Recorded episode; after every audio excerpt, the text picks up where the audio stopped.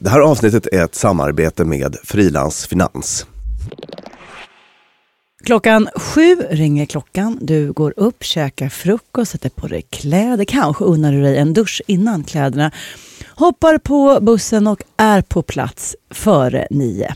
För att sen jobba duktigt i åtta timmar med någon liten paus här och var för lunch. När klockan klämtar fem packar ihop dina saker, hoppar tillbaka på bussen och åker hem. Det är middag, det är titta på TV, det är natta barnen och sova. Och så här fortsätter det i all evighet. Är det verkligen det här som kallas livet eller arbetslivet? Måste det se ut så här och är det det som verkligen funkar bäst? Du lyssnar på Dumma människor med psykolog och författare Björn Hedensjö och mig Lina Thomsgård. Idag om arbetstider. Är det verkligen 9 till 5 som gäller eller ska man hitta sitt eget lilla sätt att jobba på? Vad får oss att prestera bäst, både kreativt och på andra sätt? Och hur ska du ta reda på vad som funkar bäst för dig? Det känns ju som en naturlag det här med åtta timmars arbetsdag. Det känns som att någon som kom på det kom på det av en anledning. Det kan man tro. Ska vi, du kan få en liten historisk exposé. Ja, exakt. Ja. Gärna menar jag. Ja. Ja, gärna. ja, gärna heter det. Tråkig ton. jo, så här. Jag läste lite om det här nu då. Eh, Den här åtta timmars dagens historia. Ja. Och då får man gå tillbaka till en slogan som är ungefär 200 år gammal. Oj. För att hitta liksom, ursprunget till den. Eh, Men vi går tillbaka till industriella revolutionen. Och folk jobbar ju så in i bängen då. 12 till 15 timmars dagar, sex dagar i veckan. Men då var det en man i England, Robert Owen.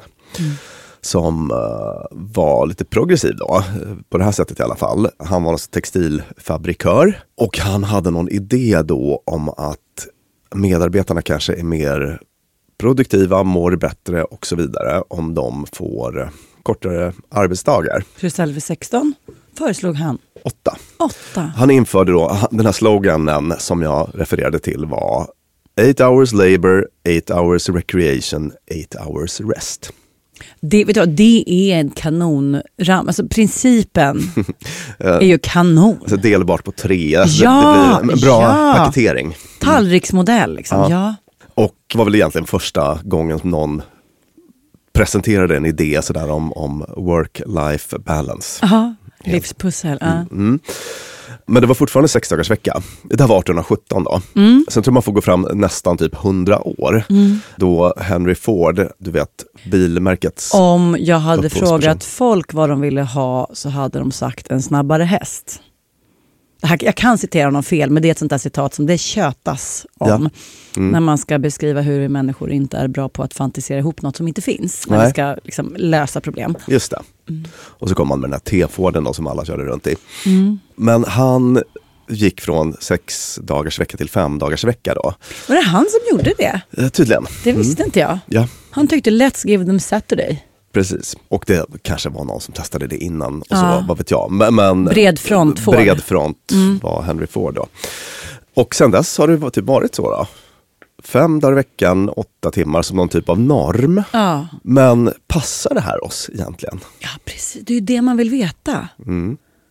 Vad Du, du, tittar du vad- på mig, du tittar på mig som att jag ska svara. Jag har ju för sjutton gått på ingen susning. Jag kan bara säga att mig passar det ganska bra. Eller det som passar mig är att det finns en mall och den kan man bryta lite ifrån. Förstår du hur jag menar? Ja. Jag uppskattar alltid när det finns ett ramverk och sen kan jag känna mig lite punkig som kliver utanför det.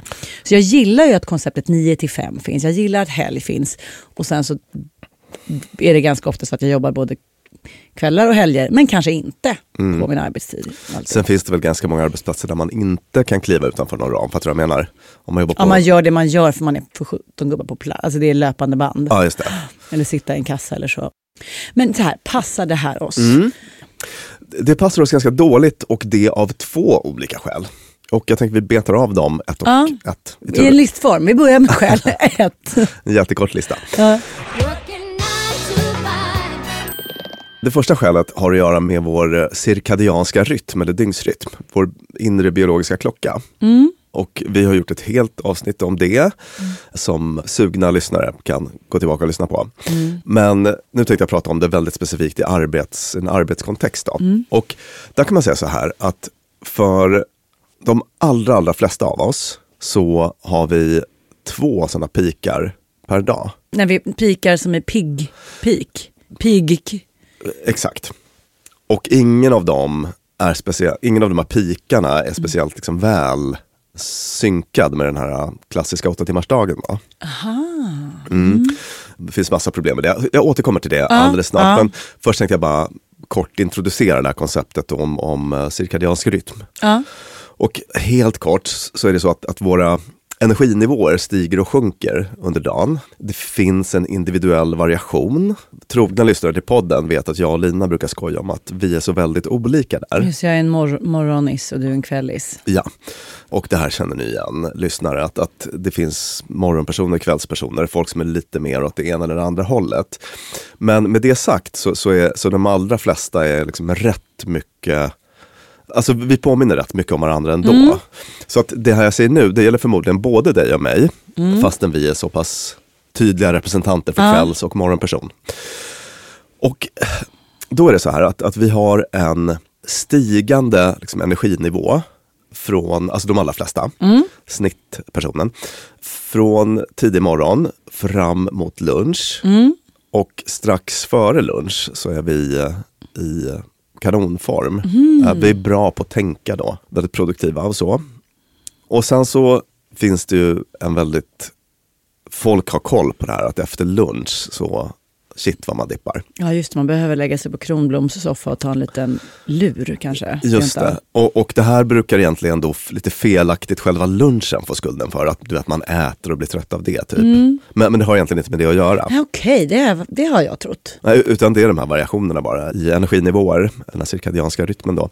Och där bottnar vi någonstans runt tre. Just det, 14.52. Ja, precis. Det, det, det är det här klockslaget då, när man har sett det var någon brittisk studie eh, som vi har refererat i något tidigare avsnitt, där man kollade på när folk gjorde som flest misstag och så. Mm, när, vi, när vi är som sämst.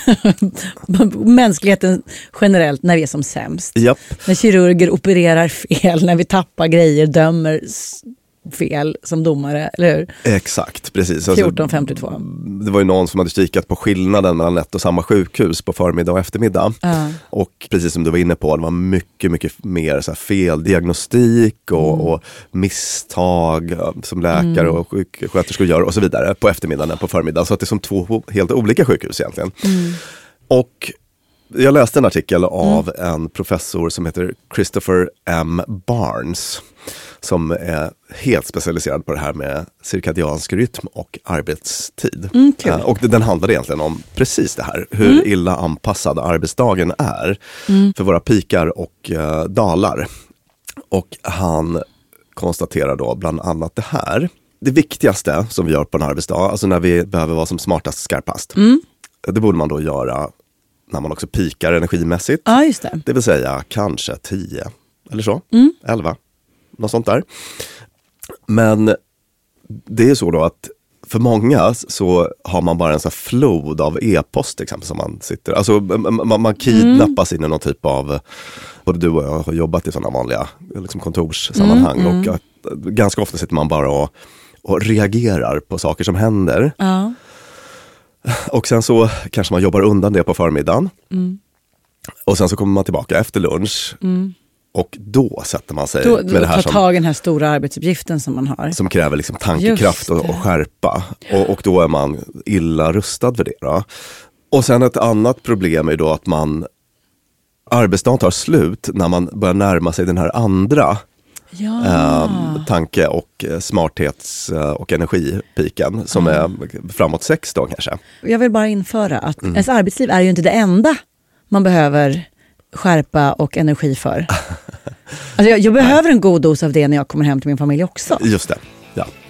Ja. Men, men, men du kan känna igen de här grejerna? Att, Ja, att, absolut. att även om du och jag är liksom väldigt, väldigt olika i vår Mm. dygnsrytm så är det vid de här tidpunkterna ungefär som man funkar typ bäst. Då. Visst.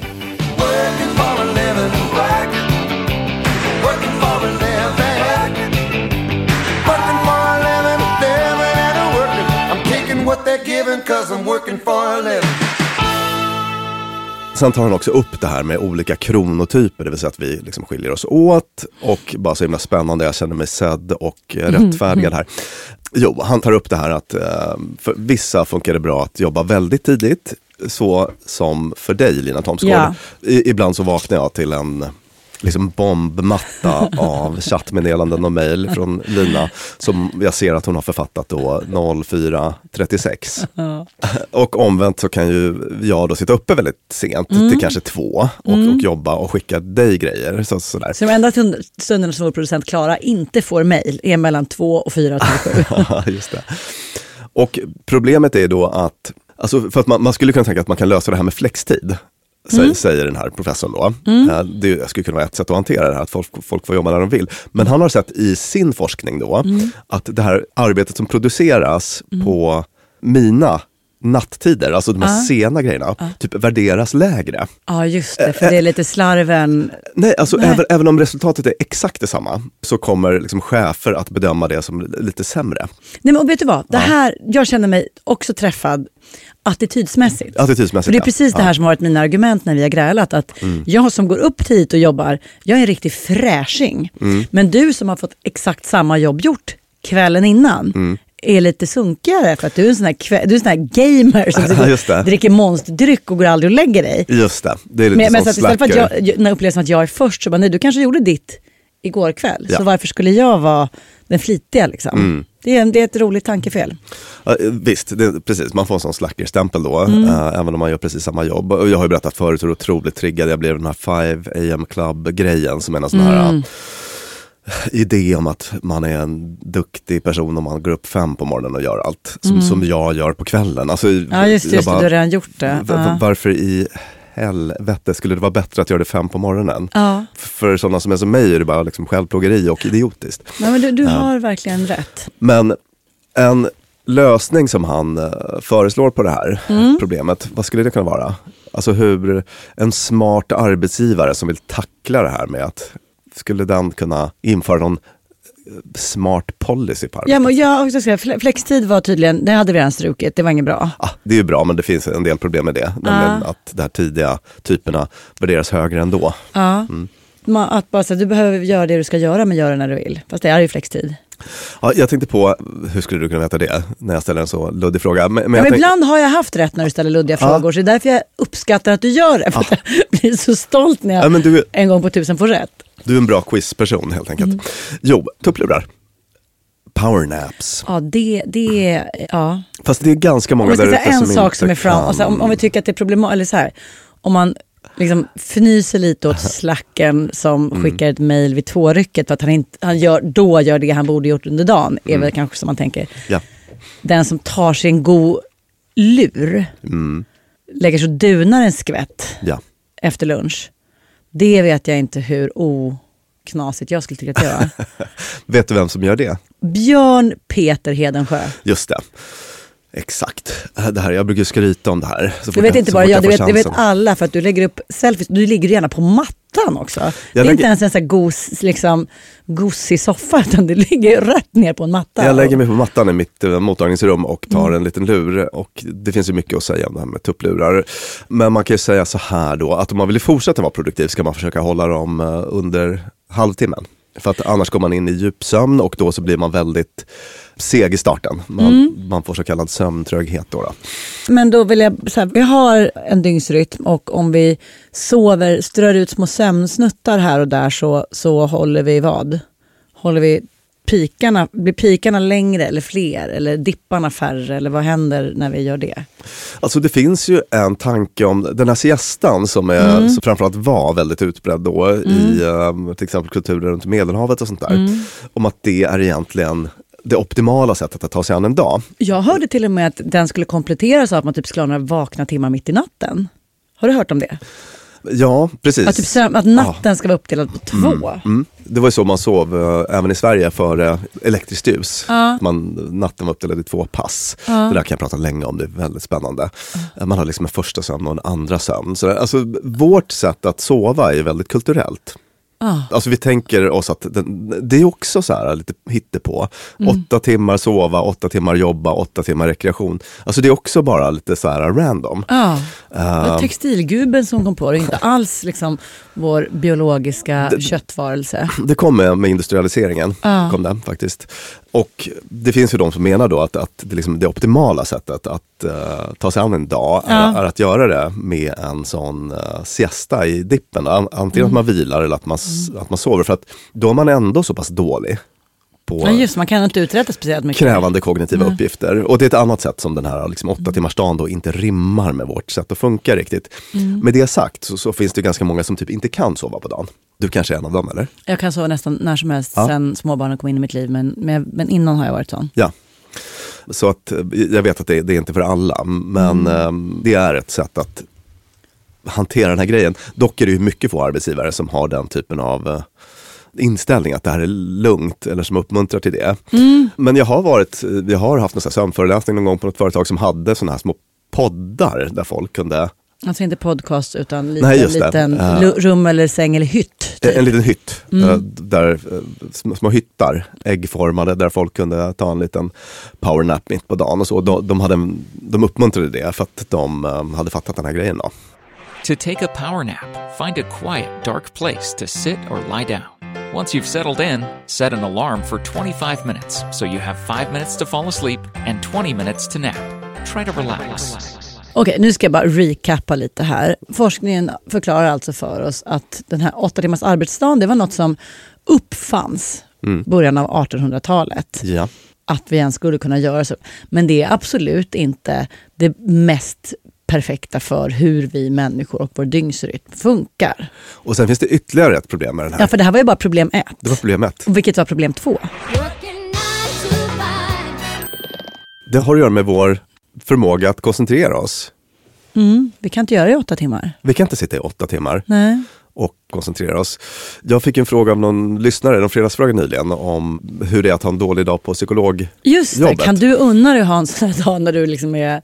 Och då var ju mitt svar att det är ett ganska bra jobb att ha dåliga dagar i. Mm.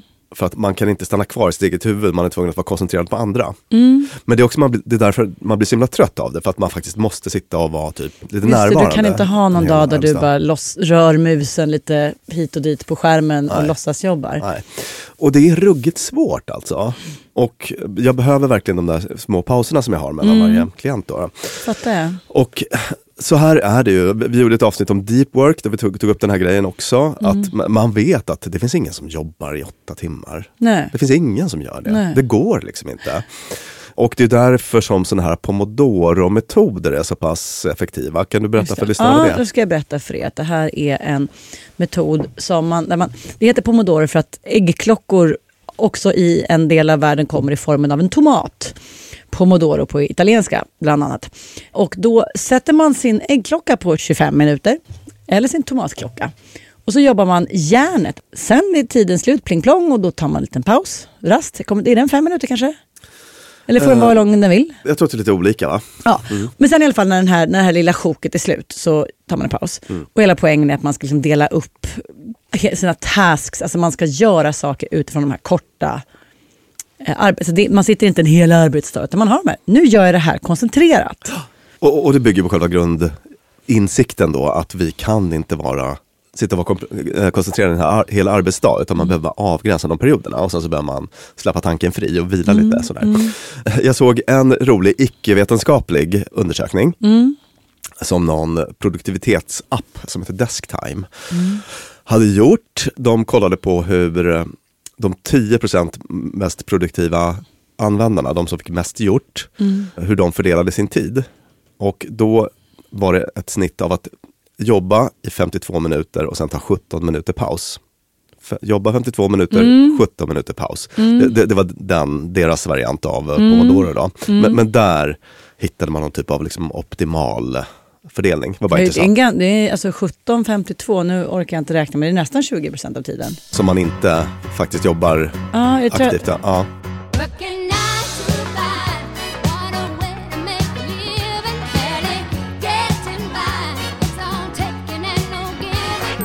Men okej, Åtta timmars arbetsdag passar oss inte för att det inte funkar med vår dygnsrytm och Mm. att det inte heller funkar med vår koncentration. Nej, alltså det, det är på något vis ett önsketänkande om hur vi borde jobba på något Ja, sätt. och ett önsketänkande som har etablerat sig så brett i vår del av världen. Vi vet att det finns delar av världen där man jobbar ännu längre dagar. Jajamän. Där man är otroligt eh, antingen flitig eller piskad att göra det. Mm. Och Medelhavet där man då har sina siestor som jag inte vet exakt hur jobbar de med kontorstid med siestan. Går man och lägger sig på kontoret då? Man Eh, bor i alltså- en liten by i, i Spanien. Alltså jag tror att den har försvunnit för eh, ganska länge sedan, åtminstone Men den var innan, alltså så Och- och- kontorstid. och- att man Åtminstone liksom, i så offentlig verksamhet och sånt där. Ja. Tror att den har försvunnit men i- innan kan det, ha många- varit, kan det ha varit så att kundtjänsten bara, den är stängd mellan ett och fyra. Ja, Ja. precis. Och sen så jobbade man längre på kvällen då. Kanske till sju eller eh, så, Mm. Åtta. Eller, mm. Men, men vår del av världen, då, i vår kultur, så är det här så utbrett så att det liksom påverkar alla system. Och så säger,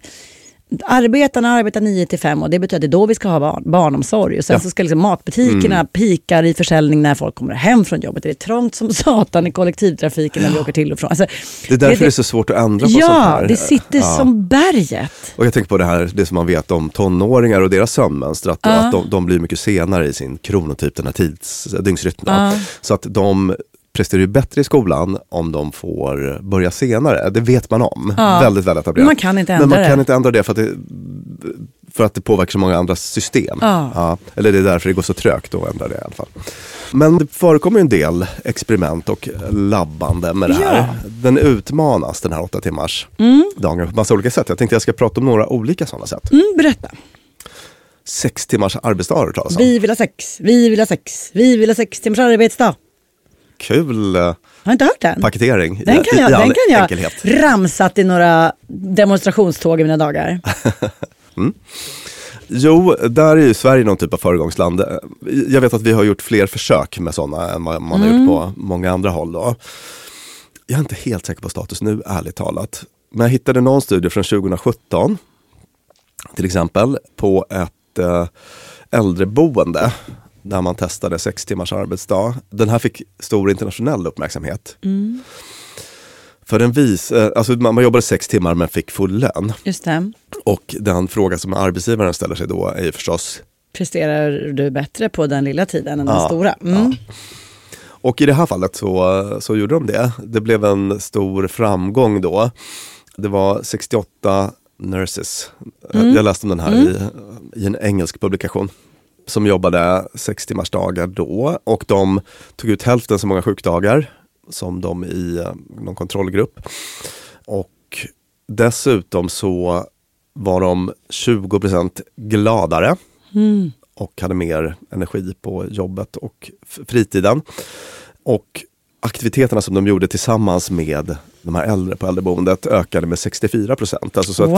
färre, färre timmar men en kraftig ökning i, eh, i aktiviteter som man gjorde tillsammans med de äldreboende. Då. Jag hörde faktiskt bara för någon vecka sedan, några veckor sedan kanske, på radio, en intervju med en eh, kvinna på Öland, är jag ganska säker på att det var, som jobbade inom eh, hemtjänsten. Där de hade infört som någon form av projektexperiment eh, att testa, jobba, här, jobba fyra dagar så får du en dag ledigt, men du får lön för heltid. Och hon pratade så fint om hur bra det här hade varit för henne.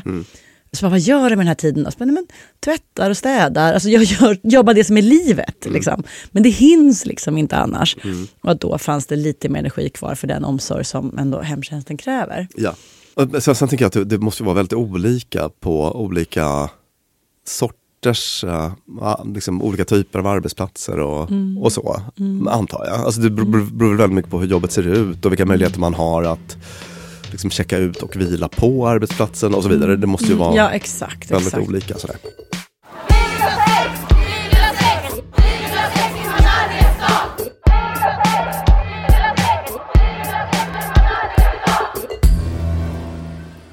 Fyra dagars arbetsvecka är ju ett buzzword också för tillfället. Och där kom det alldeles nyligen någon stor eh, brittisk studie, världens hittills största. Vad tror du att det var för resultat i den då? Men det är samma sak där tror jag. Det var det min, min Ölandskvinna berättade för mig i radion. Att det funkar kanon. Ja, det kanske var apropå det då. Ja, precis. Mm. Just det, och det var förra året som 61 företag i eh, England i flera olika branscher var med i den här studien. Då. Och i ett halvår så fick 3000 anställda jobba en dag mindre per vecka, men med bibehållen lön även där. Och ja, förstås bra resultat när det gäller sånt som stress, utmattning och så. Det, det kan man ju fatta. Men om man tänker det som behöver göras då? Blir det gjort? Ja, det precis. Det, det, är, det, Ja. det är det man undrar. Mm. Minskning av sjukdagar med 65 procent jämfört med samma period året innan. Och en minskning med 57 procent av de som valde att säga upp sig. Återigen, kanske lite förutsägbart sådär, att, att man kan tänka sig att det skulle funka bättre. Men den stora knäckfrågan blir ju, liksom, vad händer med produktivitet? Alltså Ja, görs exakt. jobbet Ja. helt enkelt?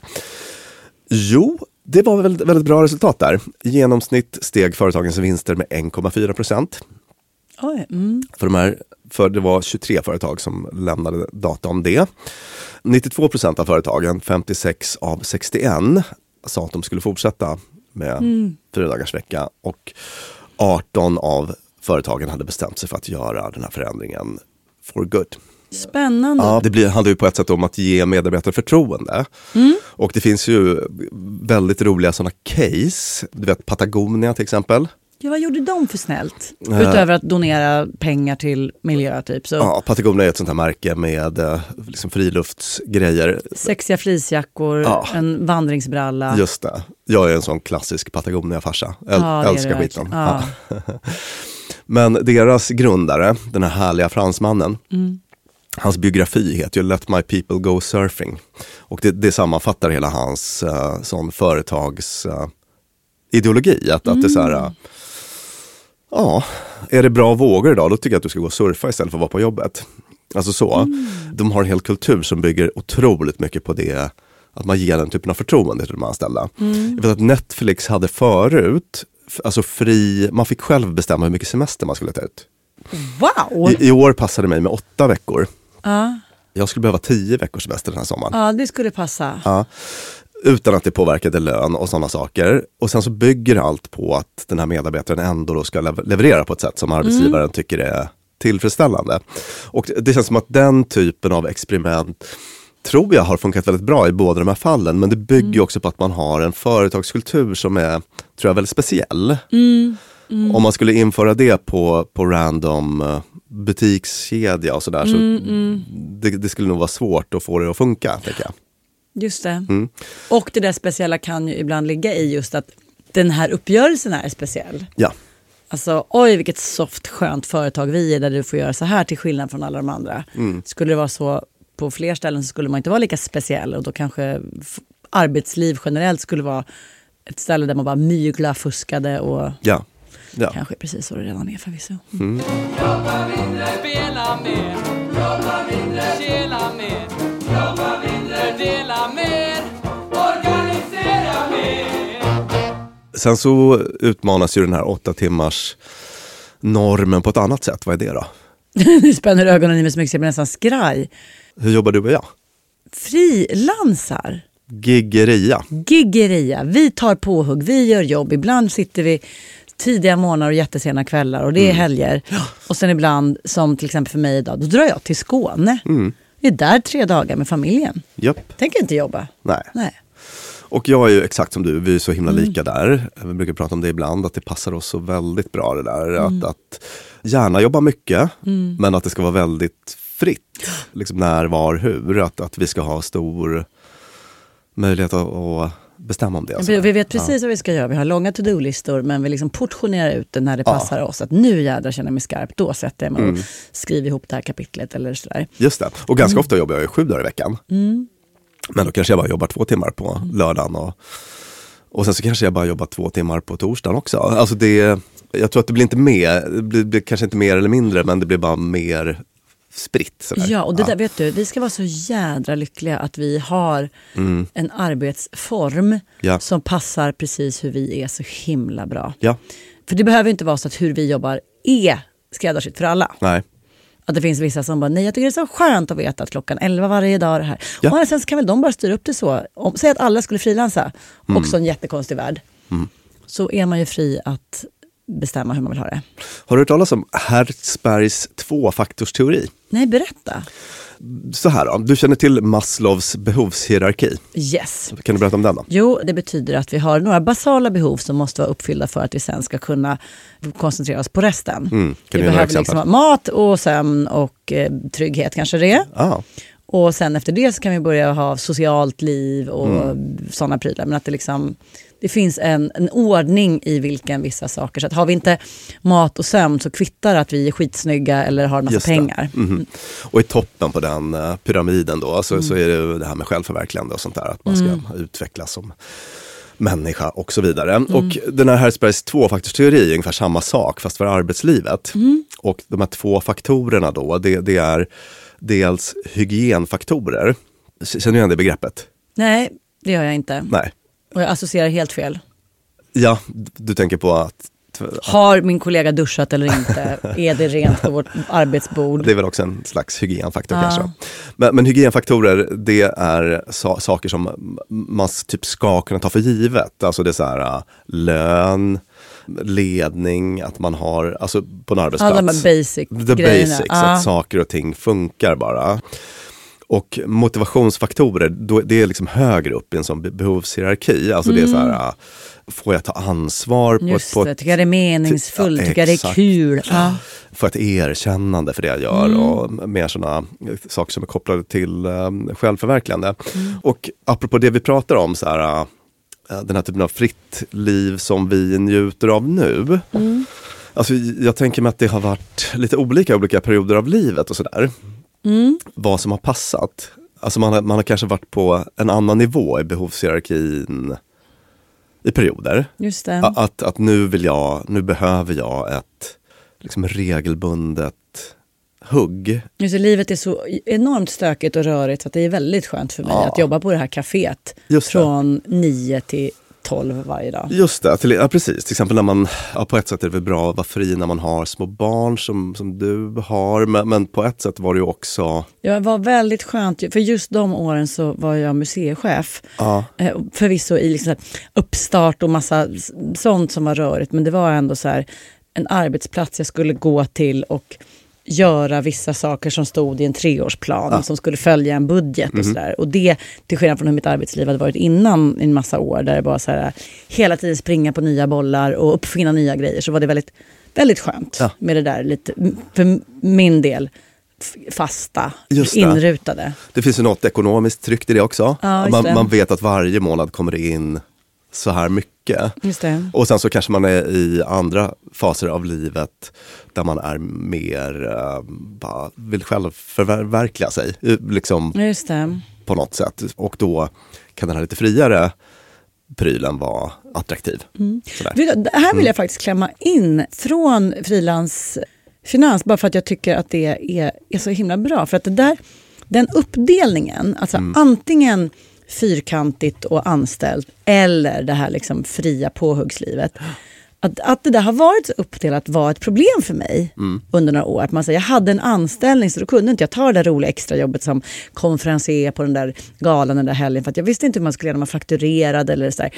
Och då var jag tvungen att stänga en massa dörrar i onödan. Som gjorde att den där anställningen till slut inte blev tillräckligt attraktiv. Ja. När jag faktiskt hade kunnat göra lite annat också via en tjänst som frilansfinans. Ja. Och det här var ju då 1812 när jag var så ung. Så att det, men, men idag finns ju det. Fem år innan, eh, innan de kom på åtta timmars arbetsdag. Mm. Så var jag där. Men eh, det är ju bra att det idag finns faktiskt lite fler möjligheter att vara lite flex där. just det. Och eh, den här eh, gig-ekonomin, det, det begreppet har du hört eller? Ja, Ja, det har att göra med det här, den här nya sortens arbetsliv där allt fler lämnar den här gamla åtta timmars industrialismen-grejen. Och börjar jobba friare. Och då läste, läste jag en jätteintressant McKinsey-rapport, McKinsey en sån stor eh, konsultbolag. Som kikade på hur det där ser ut i eh, USA och Europa numera. Eh, någon stor enkät med 8000 som svarade på den. Och det är så pass många som jobbar fritt, som frilansar, giggar i, i någon form. 162 miljoner människor i Europa och USA då, eller ungefär 20-30 procent av vad säger man, the workforce, av arbetskraften jobbar på det sättet. hur många av de här människorna vill jobba på det här sättet. Alltså det, det måste ju finnas, alltså baksidan av gigekonomin är ju såklart den totala bristen på trygghet. Ja. Och det här att ständigt behöva jaga efter nästa uppdrag och Ja, kommer jag ja. ha en peng in imorgon. Så att säga. En gissning kan ju vara att av de här 162 miljonerna, det är inte folk som sitter som du och jag, har en liten podcast och föreläser lite och skriver böcker, utan det är, många av dem kanske är sådana som säger, jag jobbade på varvet, Mm. varvet la ner, nu står jag här i den här kön, du vet som vi har sett filmerna från liksom, ja, Visst, visst, visst. där man så Ja. står där och bara så hoppas jag får, får lasta någon container idag. Nej, jag fick inte. Eller liksom den mexikanska byggnadsarbetaren som så här, Ja. glider runt i truckar för att hitta någonstans och jobba i LA. Ja. Där gigekonomin är ju inte enbart för alla och på ett bra sätt. Nej, jag, kommer att tänka på en, en bok, en fantastisk eh, italiensk bok som heter Fontamara. Utspelar sig i någon by på typ Sicilien eller sånt där. Och eh, den handlar om så här gigarbetare fast på 1920-talet. Som, som de fick, eh, minns, den detalj som fastnade, det, det enda jag egentligen minns från den boken förutom att den var fantastisk, det var att de fick så här betalt i lök. Alltså, så här, Om man hade tur och fick ett gig den dagen, man ställde sig på så här, Bygatan klockan fem på morgonen. Ja, men då fick man så här, äh, åtta gula lökar för att gå och släpa äh, tegelstenar Det- det var- en hel dag. Det tyckte jag var En speciell valuta. trist. Förutsättning Ja, för verk, ett verkligen. lyckligt arbetsliv. Så även om McKinsey säger att det här är en blomstrande marknad för gig, giggisarna så är det kanske inte alla giggisar som är Nej, som vi. och det konstaterar ju de då, att, att de, de delar faktiskt upp det Ja, i sådana som, äh, som äh, verkligen väljer det och sådana som tvingas till det. Och de har en kategori då som de kallar den fria agenten. Människor som aktivt väljer att arbeta självständigt och har egenanställning som sin primära inkomstkälla. Till exempel fristående konsulter som vill jobba uppdragsbaserat, ungefär 30 procent då av arbetskraften. Och sen så fanns det en annan som de kallar hobbyisten eller kombinatören. Och det var väl lite det som du var inne, på innan. Alltså någon som har ett fast jobb någon annanstans. Men som typ vill jobba lite extra med något annat kul av det, egen fri vilja. Ja. Eller om man är student, då var jag en sån som hade liksom extrajobb i olika former. Så att det är två sådana stora grupper. Det var ungefär 40 procent av arbetskraften. Så att det är väldigt många. Liksom. Och är det grupper som växer? Blir vi fler och Ja. fler sådana? Så är det. Ja, spännande. Technically, I am a freelancer, which is pretty much a modern day cowboy. Vi har ju nu sålt in det här fria som något ganska fantastiskt. Men jag har ju haft, och det har säkert du också haft, frilansperioder när man har fått kämpa. Absolut. Och varit eh, liksom lite otrygg. Och, Ja. Nej, men Så. alla såna här investeringar som man behöver göra för att bygga ett liv som är tryggt med allt ifrån liksom lägenhet eller skaffa barn och Ja. sånt är ju otroligt mycket vanskligare när man inte kan vifta med en, ett anställningsbevis. nej. Alltså både att få lön men också känslomässigt. Så här, Mm. "Gud, Jag vet inte om jag har jobb imorgon. Föreställ dig dina otrygga perioder men med en bebis i magen. Ja, ja.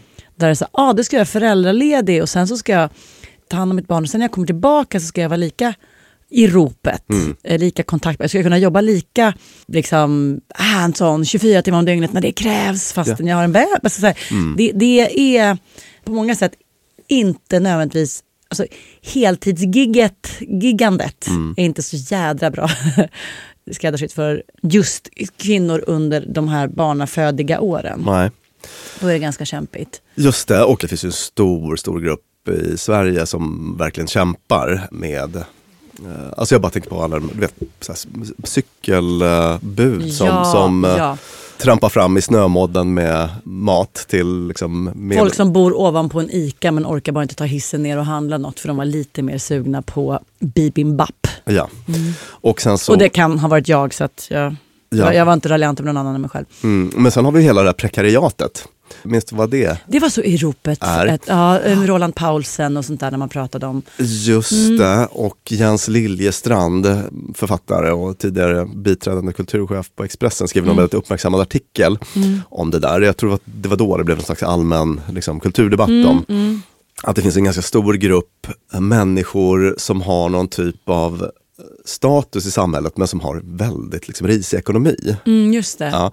Och jag tror att eh, sådana exempel som han tog upp i den artikeln var hur han själv åkte och lämnade typ blodplasma för att ha råd med käk. Men han hade liksom status och en position i samhället och så. Så det, det, det finns ju många, nu tror jag att det har löst sig jättefint för honom, med st- storsäljande böcker och så vidare. Men, men att eh, det finns också en sån stor grupp som har status men ändå har ekonomiskt kämpigt i den här liksom, gig-ekonomin. Men man tänker, gi- Giggis baksida är, dels finns det klassaspekter men att det också handlar om den här otryggheten och långsiktigheten, den är obefintlig. Och då är det ju, om man nu ska försöka så här skräddarsy, så här, vad är generellt då för de flesta en bra lösning?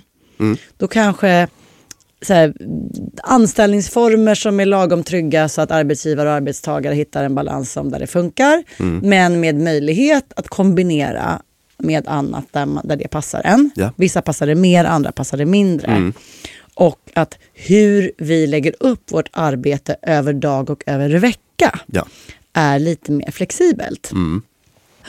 Då skulle jag vilja lyfta några såna här praktiska saker som utöver att det är så svårt för att hela samhällssystemet är uppbyggt kring ett 9 till 5 så är det också så att vi har en massa mellanmänskliga normer.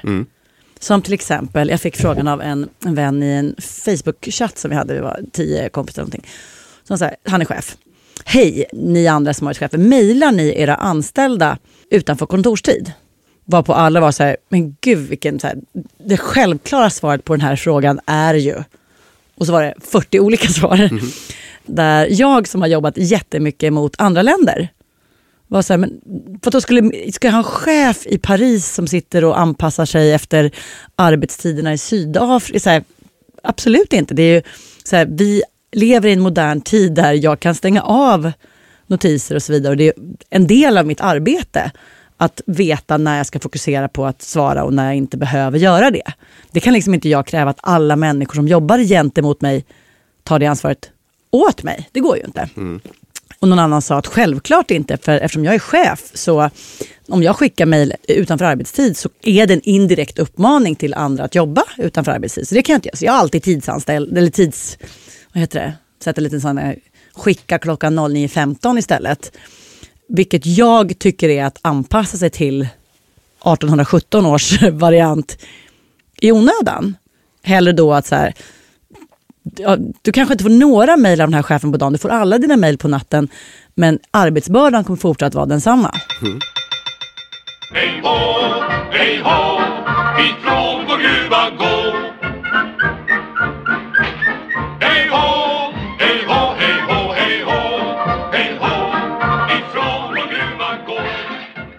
Då tycker jag att vi ska prata lite varmt om frilansfinans som vi gör det här avsnittet i samarbete med. Då kan, kan man för, förklara för lyssnarna att så här funkar när, när det kommer sponsorer till oss och vill göra avsnitt tillsammans med oss. Så får jag och Björn sätta oss och komma på, alltså vi har en jättelång lista med avsnittsidéer och så tar vi en avsnittsidé där forskning finns och intressanta tankar som kan rimma med vad liksom, den här sponsorn jobbar med. Så att det är en, vi bestämmer vad vi säger i det här avsnittet. Vill du berätta lite hur frilansfinans funkar Björn? Jo, frilansfinans är ett enkelt och tryggt alternativ till att starta eget. Det frilansfinans erbjuder är att man kan kombinera friheten med att vara sin egen med tryggheten som anställd. Då. Genom egenanställningen så får man möjlighet att fakturera som privatperson utan att behöva starta eget företag. Och det fiffiga här är att frilansfinans också tar liksom fullt arbetsgivaransvar. Så att, att när du fakturerar via dem så redovisar de moms och skatter och sociala avgifter till skattemyndigheterna. Så man behöver inte oroa sig för att det någonstans där kommer liksom någon skatteskuld eller att man har missat någon blankett. Eller så, utan Ja. det, det löser de. Och en sak som är riktigt fiffig är att pengarna får du in redan efter fem dagar. Ja, det gillar man. Och om du vill testa det här så ska du ladda ner appen Frilansfinans eller läsa mer på frilansfinans.se. Då var det allt för idag. Jag heter Lina Thomsgård och med mig sitter psykolog och författare Björn Hedensjö. Vi spelar in allt detta hos Beppo och våra avsnitt klipps av Peter Malmqvist och produceras av Klara Wallin. Och tack till vår samarbetspartner i det här avsnittet, Frilansfinans.